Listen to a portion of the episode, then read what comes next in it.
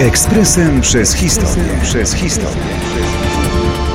2 czerwca 1943 roku.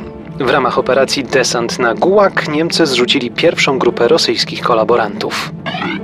Tym przedsięwzięciu, jak w soczewce, skupiło się nie tylko okrucieństwo tej wywołanej przez Niemców wojny, ale również potworność reżimu, który bronił się przed ich najazdem.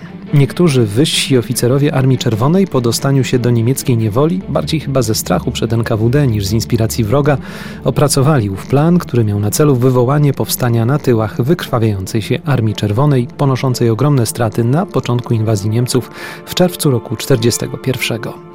Oczywiście, kiedy tylko niemieccy wojskowi dowiedzieli się o tym planie, postanowili natychmiast go przyspieszyć. Na początku czerwca 1943 roku Wehrmacht jeszcze nie przegrał całkowicie na wschodzie, ale niezdobycie Moskwy i klęska pod Stalingradem były dla hitlerowskiej machiny wojennej złym prognostykiem.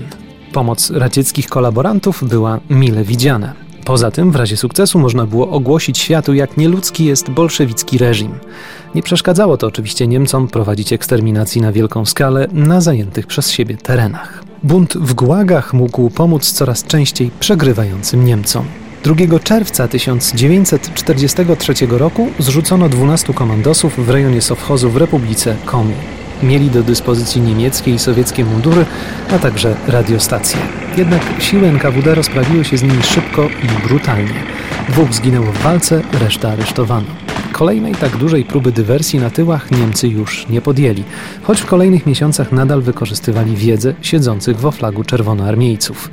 Władze radzieckie nakazały wzmocnienie terenów gułagów, które stały się jeszcze bardziej naszpikowane NKWdzistami. Ekspresem przez historię. Przez historię.